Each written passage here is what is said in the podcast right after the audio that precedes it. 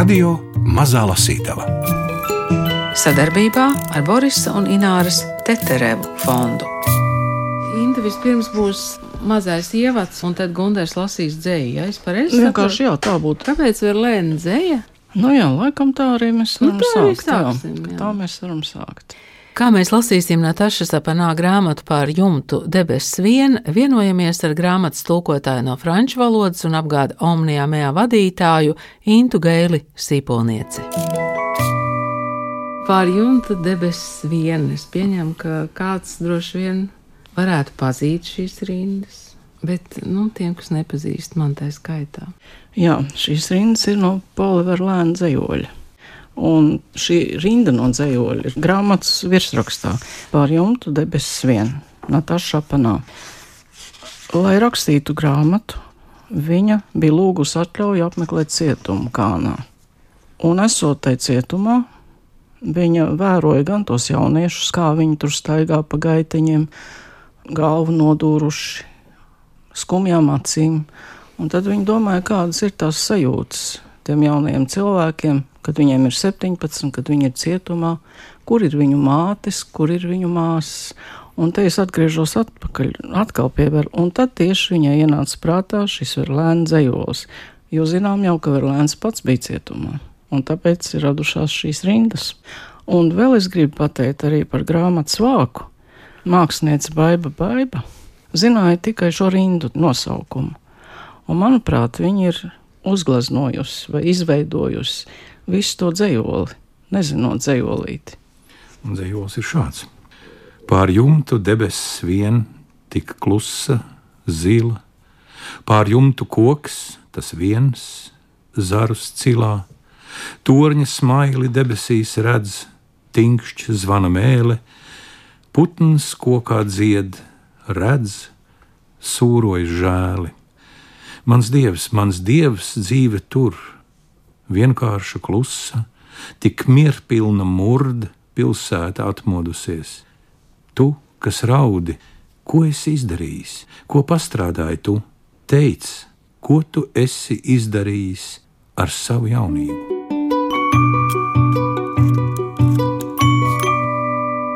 Inti, jūs jau pieminējāt autori Nataša Apanā.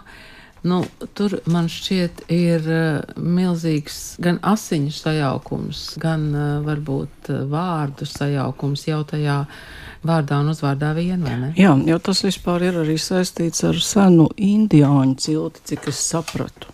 Nu, Viņi nāk no Mauritānijas, bet pirms tam es gribētu vēl pateikt dažus vārdus, ka rindas no, vai pareizāk sakot, Paula Verlēna dzējoli atzējoja Dagnija Dreika.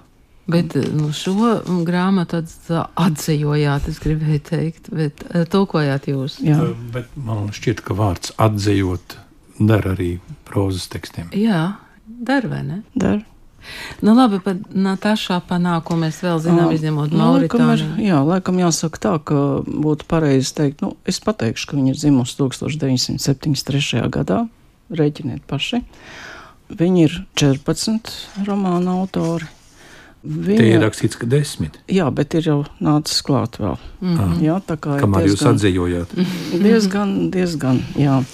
Un viņi ir atpazīstami Francijā. Viņi ir vairāku literāru prēmiju laureāti. Un šī grāmata bija arī tā kā starp tiem pēdējiem kandidātiem uz Gonkūru balvu, bet viņi to nesaņēma. Nu, tur ir diezgan liels tas konkurss, tā atlases un tā tālāk. Viņi bija pēdējā desmitniekā. Nu, grāmatiņu man atsūtīja izdevējs Galimāra, zinot apmēram, ko es daru. Es izlasīju, man šķita, ka tas ir diezgan aktuāli. Šī grāmata par to, ka mēs, nu, it kā ir tā, ka pasaule ir sajukusi kaut kādā veidā, ka mēs vairs neprotam mīlēt, ka mēs arī ģimenē it kā, nu, ejam viens otram garām, un ka dažkārt mājas, kam vajadzētu būt it kā patvērumam, kļūst kaut kādā veidā par ieslodzījumu, par vietu, kur tu nejūties labi. Es runāju par grāmatu jau tagad, jā. Viss sākās ar Elietu, meitenīti, Lelīti, Lolitu, kuru vecāki tērpa, lika viņai dziedāt. Viņai tas pašai nepatika, viņa to negribēja. Un tad, kad viņai pašai jau bija bērni, viņa rīkojās gluži pretēji. Viņa ļāva bērniem darīt to, ko viņi grib, kā viņi grib dzīvot, justies nu, brīvi. Ne jau tādā nozīmē, ka viņi var darīt vienalga ko, bet viņi neko viņam neuzspieda. Un viņa arī neteica, ka mīl viņus. Viņa ģimenē nerunāja daudz. Katrs it kā bija savā tādā dzīvoja. Ja? Un, kad viņi iedeva dēlam vārdu vilks, Viņi domāja, ka tas viņam dos spēku, ka viņš būs tāds varens un spēcīgāks par citiem. Franciski tas būtu Lū. Lū, jā. Bet, uh, nu, bet mums jau ir arī Alnis, piemēram, tad kāpēc ne vilks, jā? Jo, ja es rakstītu Lū, tad tas nebūtu saprotami. Un uh, puisis ir gluži pretēji. Viņā nav nekā no tās plēsonīgās dabas. Viņš ir ļoti tāds maigs zēns, tāds sapņains, arī slimīgs lasot to grāmatu. Nu, un tad notiek tas gadījums, kas maina arī to pašu Elietas dzīvi. Viņa kļūst par fēniksu, maina vārdu. Un uh, mēs droši vien daudzi no mums ir cēluši mājās būdiņas no sagām, no viskaut kā. Tāpat kā Elieta, un tad, ko nu kurš tur ir domājis tajā būdiņā, Un tad eh, nu, ir jāmāk laikam no tās būdiņas arī iziet. Bet viņi tajā būdiņā perināja pavisam citas domas, jo Lūkas jau sacīja, ka viņi nejūtās labi tajā savā mājā. Jo viņai lika darīt to, ko viņi it kā nu, negrib darīt. Jā. Un tad viss pārvērtās. Bet eh, šis romāns ir uzrakstīts pirms uh, laika, ko mēs tagad devējam par pandēmiju. Arī pati rakstniece ir bijusi saslimusi ar covid. Un kādā savā intervijā viņa stāsta, ka viņa ir zaudējusi smaržu. Un tad viņa ar visiem spēkiem ir centusies kaut ko nebūt iztēloties, jo viņai patīk arī sapņot. Nu, un tad viņa ir tik ļoti iztēlojusies, ka viņa ir sajūt, nu, sajutusi kafijas smaržu. Bet tajā brīdī viņa ar to savu garu spēku iedvesa sev šo kafijas smaržu. Mm. Tā kā tās izjūtas jau ir pēc tam. Svētdiena, māte. Lai viņu pamanītu, ir jāatrodas gaitenī. Gaisma virtuvē krīt slīpi un apgaismo viņas muguru. Viņai ir mazliet vecmodīgs, smalks koku vilnas naktskrekls ar podziņām priekšpusē, bez piedurknēm, ar diezgan dziļiem izgriezumiem padusēs, kas ļauj brīvi kustēties un paceļot rokas, šis pārāk platais apģērbs paver skatam viņas piebriedušās krūtis. Pulkstenis ir gandrīz astoņi, ir svētdiena. Viņa dzīvo klusā vietā, nomaļas no pilsētas, no kvartāliem un paviljoniem, slikti uzturēta ceļa malā, kas šķiet strupceļš. Bet tāds tomēr nav, jo ceļš vēl turpinās, tas vīs starp lieliem kokiem un kļūst ar vien grambaināks, apgrūtinot braukšanu ar mašīnu.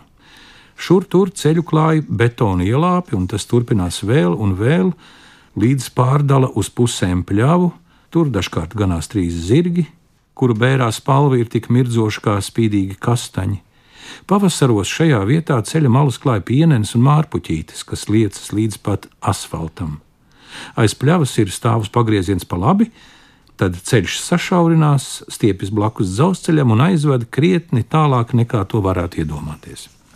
Gaismas izstieptajā taisnstūrī šī sieviete varētu būt tieši tas, kas viņu šķiet - ģimenes māte, kura mazgā iepriekšējā vakara traukus. Basām kājām, saulē, kas maigi silda viņu caur naktskrekla audumu, sieviete patiešām nedomā ne par ko citu, sūkļa čirkstēšana viņu it kā hipnotizē, jo viņa ir no tām, kas atgriež ūdens krānu tikai tad, kad visi šķīvi, glāzes, nāži un dakšiņas ir nobērsti ar putām. Skatoties uz viņu no mugurpuses, ir iespējams iedomāties visu, pat vismierīgāko un klusāko dzīvi, par kuru varētu stāstīt nomierinošā radio balsī svētdienu rītos. Bet īstenība ir cita. Tā ir migrēna, kas viņu pārņem kopš agra rīta, kopš viņa uzzinājusi, ko vilks pastrādājis. Kad viņa beržu un beržu šķīvis līdz vienas saplēš, īstenībā viņi gribētu izbērst savu galvu no iekšpuses. Viņi gribētu iztīrīt visu, lai iegūtu elpu un spēju iztēloties, ko ir izdarījis vilks. Šis zēns, kurš jāatzīst, nav tāds kā citi, bet to, kas tieši viņam kaiš, vai arī nekaiš, nekas viņa nezina. Māte zina, ka viņš naktī paņēmis mašīnu un braucis septiņas stundas. Viņš, kuram nav braukšanas tiesību. Viņš arī viens nedrīkst braukt ar autobusu, jo cieši no baiļu lēkmēm un augu dienu var nerunāt.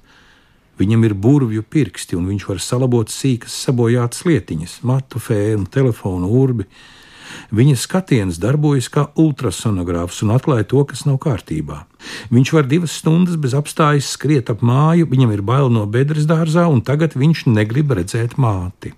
Migrēna šķiet veidojas kā milzu skudru pūznis no tūkstošiem ņudzošu domu, un redzot saplīstam šķīvi trīs daļās, trīs atsevišķos gabalos, viņa domā, ko tas varētu nozīmēt. Viņai būtu gribējies spēt lasīt šajos nedzīvajos priekšmetos, kad tie piepeši sāk sūtīt zīmes, lai brīdinātu. Kas to darīja agrāk? Viņa pēkšņi nodomā. Kā sauc to meitu ar dubļu krāsas dreadlocks, to, kur ar saviem trim suņiem dzīvoja vecajā vagonā - Fanija, Emīlija. Viņa svieda zemē alus pudeļu, metāla vāciņus, kā šamanis liecās tiem pāri, lai lasītu to vēstījumu. Šajā baltajā naktskreklā tērptās sievietes galvā skan teikums, kas šķiet izzadzies no skudra pūžņa un atbalsojas tikpat skaidri, kā tikko saplīsušā šķīvi troksnis. Elieta, tev būs divi bērni. Taisnība, tolaik viņu sauca Elieta. Viņai bija 14 gadu, visas pēcpusdienas viņa kopā ar draugiem slaistījās pie stacijas un domāja, ka galu galā atradīs kādu, kuram viņa der, kuram viņa būs vajadzīga uz visiem laikiem. Par spīti vispārējiem smiekliem, kas sekoja šī Dridloks orakula paziņojumam, Elieta vairs nejūtās tik nomākta. Vai šis vecajos alus pudeļu vāciņos izlasītais pareģojums nedeva viņai pārliecību, ka dusmas, kas viņā pastāvīgi brieda, galu galā apdzisīs, ka galu galā viņa atkal kļūs normāla, ka viņa zinās, kā justies šajā ķermenī, ka beidzot atkal būs savu vecāku meita, tā Elieta, par kuru viņi runāja kā par atmiņām, kā par pazudušu bērnu, meitenīti, kurai bija lemta tik skaista nākotne un kura, kad viņai bija 11 gadu, kādā decembra dienā bija visu izpostījusi. Kopš tā laika vecāks skatījās uz savu meitu, un viņu acīs jaucās žēlums un nesapratne. Viņai pat likās, ka vecāki sakratīs viņu, prasīs, lai tūlīt pat atdod viņiem viņu mīļo Elietiņu. Sieviete, kuru vairs nesauc Elieta, noskalo rokas, un vēl mitras piespiež tās pie sejas. Viņa cenšas attālināt savas atmiņas, savu vecāku sejas, suņu panka pareģojuma atskaņas Viņai kaut kas jādara vilka labā. Un viņai nav neviena, kam prasīt padomu, jo ļaudis, ar kuriem viņa tiekas, ļaudis, ar kuriem viņa runā, ļaudis, kuriem viņa pieķeras, viņas dēlu īsti nepazīst. Nepazīst viņu pilnībā. Šajā brīdī pie izlietnes, kur vēl šņāts putas, Elietai gribētos, lai kāds iečukst viņai atbildi, lai pasaka, ko darīt. Viņa klausītu noteikti. Viņa iet prom no izlietnes, nostājas gaismā, ieslīdina mitrās rokas matos, sakrusto pirkstus un dziļi elpo. Divas ūdens strūklas notek pa viņas apakšdalmiem, nopil uz grīdas un izveido nevainojamas saulītes pie viņas kājām. Cikos zvanīja telefons? Pulksten trijos. Balss viņu informēja par dēla smago pārkāpumu. Viņš aizturēts pie C apvedceļa 16. nobrauktuves, auto vadīšana bez braukšanas apliecības, turklāt pa ceļa pretējo joslu, negadījuma izraisīšana, divas personas šokātas vai pat ievainotas, tas vēl nav zināms.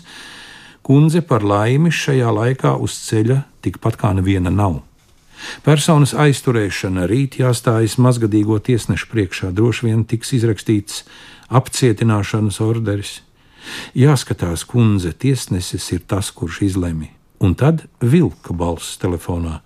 Pat pirms tam, kad viņa sāks lamāties, jo viņa noteikti lamāsies. Viņa nav no tām, kas saka, manas nabaga mīļiņa, kas ir noticis man mīlīgi, kāpēc tu brauc visu šo ceļu, kur tu tā vēlējies nokļūt, mana dārgumiņa. Viņas dēla balss telefonā. Es gribu satikt palomu, tikai palomu. Bet viņa to zināja zina jau desmit gadus, bet viņa nekad nebūtu domājusi, ka dēls ir uz to spējīgs. Šī sieviete pēkšņi iedomājas par savu pašas tēvu, kurš kādu dienu, tas bija sen, veica šādu braucienu pretējā virzienā, lai satiktu palomu.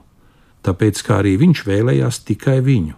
Bet Elieta ātri atvaira šo domu. Šis nav īstais brīdis, lai kavētos pagātnē, veidotu salīdzinājumus, sakarus starp mirušajiem un dzīvajiem, starp pagātnes un tagadnes darbiem. Ir jāpieiet tuvāk, lai redzētu labi. Natāša Apanā grāmata ar Polavera Lēna dzējas rindu nosaukumā pār jumtu debesu viena lasa Gundars Āboliņš, tulkotājai Intai Gēlē Sīpolniecei, jautā Ingvilda Strautmane. Radio Mazā Lasītava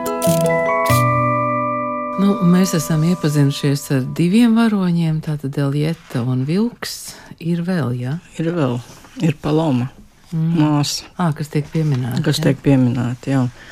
Un arī viņa ir tāda bikla meitene, kur sēž uz krēsla maliņas, kur it kā vēro dzīvi no malas. Bet viņiem ir ļoti labas attiecības ar brāli, jo tad lūk, viņi ir tuvi. Ja? Un tur jau ir pieminēta bedra dārzā. Nu, tāda noslēpumaina bedra, kur liekas, ka tur ir viss kaut kāda ļaunuma un nu, vispār tur nav labi tuvoties. Un arī tur grāmatā pati autori ir salīdzinājusi to cietumu, ka viņi tur ir jutusi tādu tā kā to pašu bedri, kas ir tur tajā dārzā, jā, noslēpumaina vieta. Turpat ir tādi sapņi tiem bērniem, ka tur notiek ļaunas lietas un viss kaut kā tā, un tā bedra tā arī tur ir. Jā. Un, un dēls vilks, kurš lai it kā nu, lai nomierinātos, jo lūk, viņam arī uznāk tādas nu, lēkmes, un tad viņš skrien ap to māju, lai viņš sevi tā kā, nu, tā kā nomierinātos un skrien līdz spēku apsīkumam. Un tad paloma ir tā, kas ir ar viņu, viņam blakus, un, tā. un tad viņa aiziet no mājas, un vilks paliek divi tā ar māti.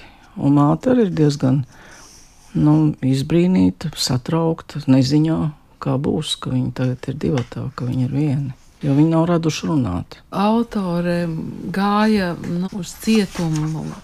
Kāpēc viņi gāja uz cietumu? Ko viņi tur? Nu, tāpēc, ka vilks jau tur nokļūt. Jā, nu, jā, jā, grāmatu, jā, jā, jā. Jo tad jau, jau rakstot un tā, tad, lai zinātu, kā tas ir, kādas ir tās izjūtas, mm -hmm. jā, mhm. tiem jaunajiem cilvēkiem, jo tur ir nodalīts tas pieaugušie no jauniešiem, tur nu, arī tas ir grāmatā, arī ir mm, parādās, jā, un viņi to visu ir tā, nu, tā kā redzējusi, viņi to apraksta tā, kā tur ir, jā, ka tur viņi iet pa tiem gaitaņiem, kā jau es teicu, galvu, nodurtu galvu un, un skumjām acīm, un tad tur ir tā, ka siena, durvis, siena, durvis, siena, durvis. Ja? Viņa par to tā raksta, ja? nu, ka tas viss ir tā bēdīgi un skumji, un ka viņai arī tas viss um, saistās mazliet ar to skumjo bēdīgo bedri tajā dārzā, kurš nav iekopts, ja?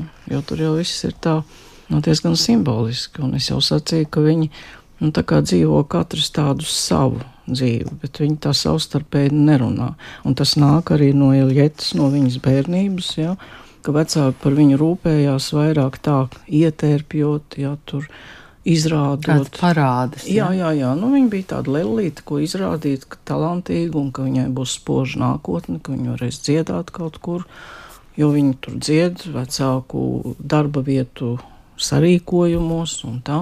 Bet nu, tas viss pārvēršas stipri tajā dienā, lūk, kad viņai ir tie 11 gadi, un to un tā kā es negribu skriet uz priekšu notikumiem, jo tas ir tāds zināms tāds pagrieziena punkts. Jā. Nu, pēc tam viņa ir ļoti skaista, varētu to tā saprast. Tad viņa notetovē visu gandrīz savu ķermeni. Jā. Tā māma vai? Nē, nē, Feniks, Feniks, tā skaistā sieviete. Atgriežoties pie Palomas, Paloma skatījās uz savu gulošo brāli un zināja, ka arī viņa tā guļ. Ar augstu paceltiem, pievilktiem ceļgaliem, rokas zem spilvena lūkšanā saliktas. Cik daudz kopīga viņiem ir? Viņam, savādam puisītim ar zeltainu ādu, un viņai, jaunai sievietei, kas gatavojas pamest māju. No turienes, kur Paloma bija, viņa dzirdēja brāļa vienmērīgo elpu un dažreiz nopūtu, čukstu. Varbūt tā bija viņa sapņu balss. Kopš tā laika, kad vilks uzzināja, ka viņa dosies projām, viņš katru vakaru nāca pie māsas gultā un pieklaudās viņai. Viņš neko neteica, viņš gluži vienkārši pieķērās māsai ar visiem spēkiem. Paloma nav jāaizmirst, kā viņa sēž uz krēsla malas ar taisnu muguru, Nav jāaizmirst, cik mazu vietu viņi ieņem uz zemes, varētu iziet no savas istabas, lēnām apiet ap māju, ar roku pieskarties sienām, kur nekad nebija atradies neviens glazūru rāmis, uzvārīt kafiju vecajā kafijas automātā, paņemt rokā kādu priekšmetu, lēnām to grozīt, pielikt pie deguna skatīties dažas grāmatas, ko viņa neņems līdzi, atcerēties savu bērnību, atcerēties precīzu notikumu, dzimšanas dienas launagu, vakariņas, vakaru ģimenes lokā, nav svarīgi, un rūpīgi atkal atsaukt galvā, kurš ko darīja, kurš ko teica, un justies vienlaikus bēdīgi un atzinīgi. Galu galā justies gatavai. Jā, Paloma būtu varējusi darīt kaut ko tādu, ko ļaudis dara, kad zina, ka tā ir pēdējā reize bet viņa negribēja, ka laiks kļūst lēnāks. Viņa negribēja radīt sev citas atmiņas, ko ierindot šajā stūrītī, kuru dēvēja par pēdējo reizi. Viņa tikai gribēja doties projām. Paloma paskatījās savā pulkstenī, bija piecas minūtes pār astoņiem, vēl trīs stundas jāiztur, viņa nodomāja, un domāja arī par neparasto veidu, kādā vilks bija izstiepies gultā. Paloma zināja, ka tā nav laba zīme. Kas notiek vilka galvā, kad viņa sēž šķiet esam zem ūdens, viņa vaipsti ir izplūduši, skatiens ir aizmiglojies. Galvenais - nevajag mēģināt to uzzināt. Nevajag uzdot jautājumus. Nevajag teikt, lai viņš nomierinās. Šajos brīžos galvenais ir nepieskarties viņam. Viņš sāks kliegt, it kā pieskāriens būtu viņu ievainojis. Paloma to visu zināja. Viņa piecēlās no krēsla un atvēra savas istabas durvis. Viņa teica: Vilk, skaties, durvis ir vaļā un dažreiz ar to pietika, lai viņš nomierinātos, bet acīm redzot, ne šodien. Ne šodien. Vilks nav slims, saka doktoris Mišels katrā ikmēneša apmeklējuma laikā. Viņš gluži vienkārši neprot pārvaldīt savu stresu. Kad doktoris saka gluži vienkārši, Palomai dažreiz ir vēlēšanās iemest viņam sejā krēslu. Gluži vienkārši tas ir septiņus gadus vecs zēns, vēlas izbēgt no sevis paša. Viņš nespēja kontrolēt savu ķermeni ar domām. To ir pārāk daudz, tās ir kroplīgas un pretrunīgas. Gluži vienkārši tas ir lēkmes vairākas reizes gadā no tā, ja ir pārāk daudz, no tā, ja nav pietiekami, no nezinu kā, un šodien no skumjām zinot, ka viņa māsa vairs nebūs te. Gluži vienkārši tas ir mazs zēns, skrien ap māju, vienalga vai ir augsts vai vējains vai līst lietus. Ļaudis saka, tas nekas vai ne, puikas taču skrien, bet viņš vilks skrien līdz spēku izsīkumam, līdz nelabumam, līdz viņa kājas padodas, līdz viņa pārāk daudzās kroplīgās un pretrunīgās domas atkāpjas viņa smadzeņu dziļumā un tad viņš var sabrukt un gaidīt, lai māte vai māsa nes viņu uz mājām, nomazgā, aprūpē, liek viņam paēst, noliek viņu skatīties multenītes vai apgulda. Man ir tāda sajūta, ka tā grāmata it kā ir plāniņa, bet ļoti ietilpīga. Ļoti, jā. Un bēdīga kopumā. Es domāju, ka ir kaut kāds arī uz vāka, redzēt, tur de, de, debesis augšā ir. Loks, vāks ir, ir tā kā, tā kā, tā kā paliek gaišāks, redzat šeit stūrītis un arī tur otrā pusītē mm. un tā. Man šķiet, ka viņi tomēr meklēs ceļu viens pie otru. Natāša Panā pār jumtu debesu vienu izdevusi Omnijā Mējā. No franču valodas tulkojusi Inte Gēla Sīpolniece. Ar Intu mūsu saruna aizvirzās arī par to, kādas grāmatas bibliotekas izvēlas saviem krājumiem, vai, piemēram, mūsdienu bibliotekā ir vai nav vajadzīgs bekets, bet tas jau būs cits stāsts.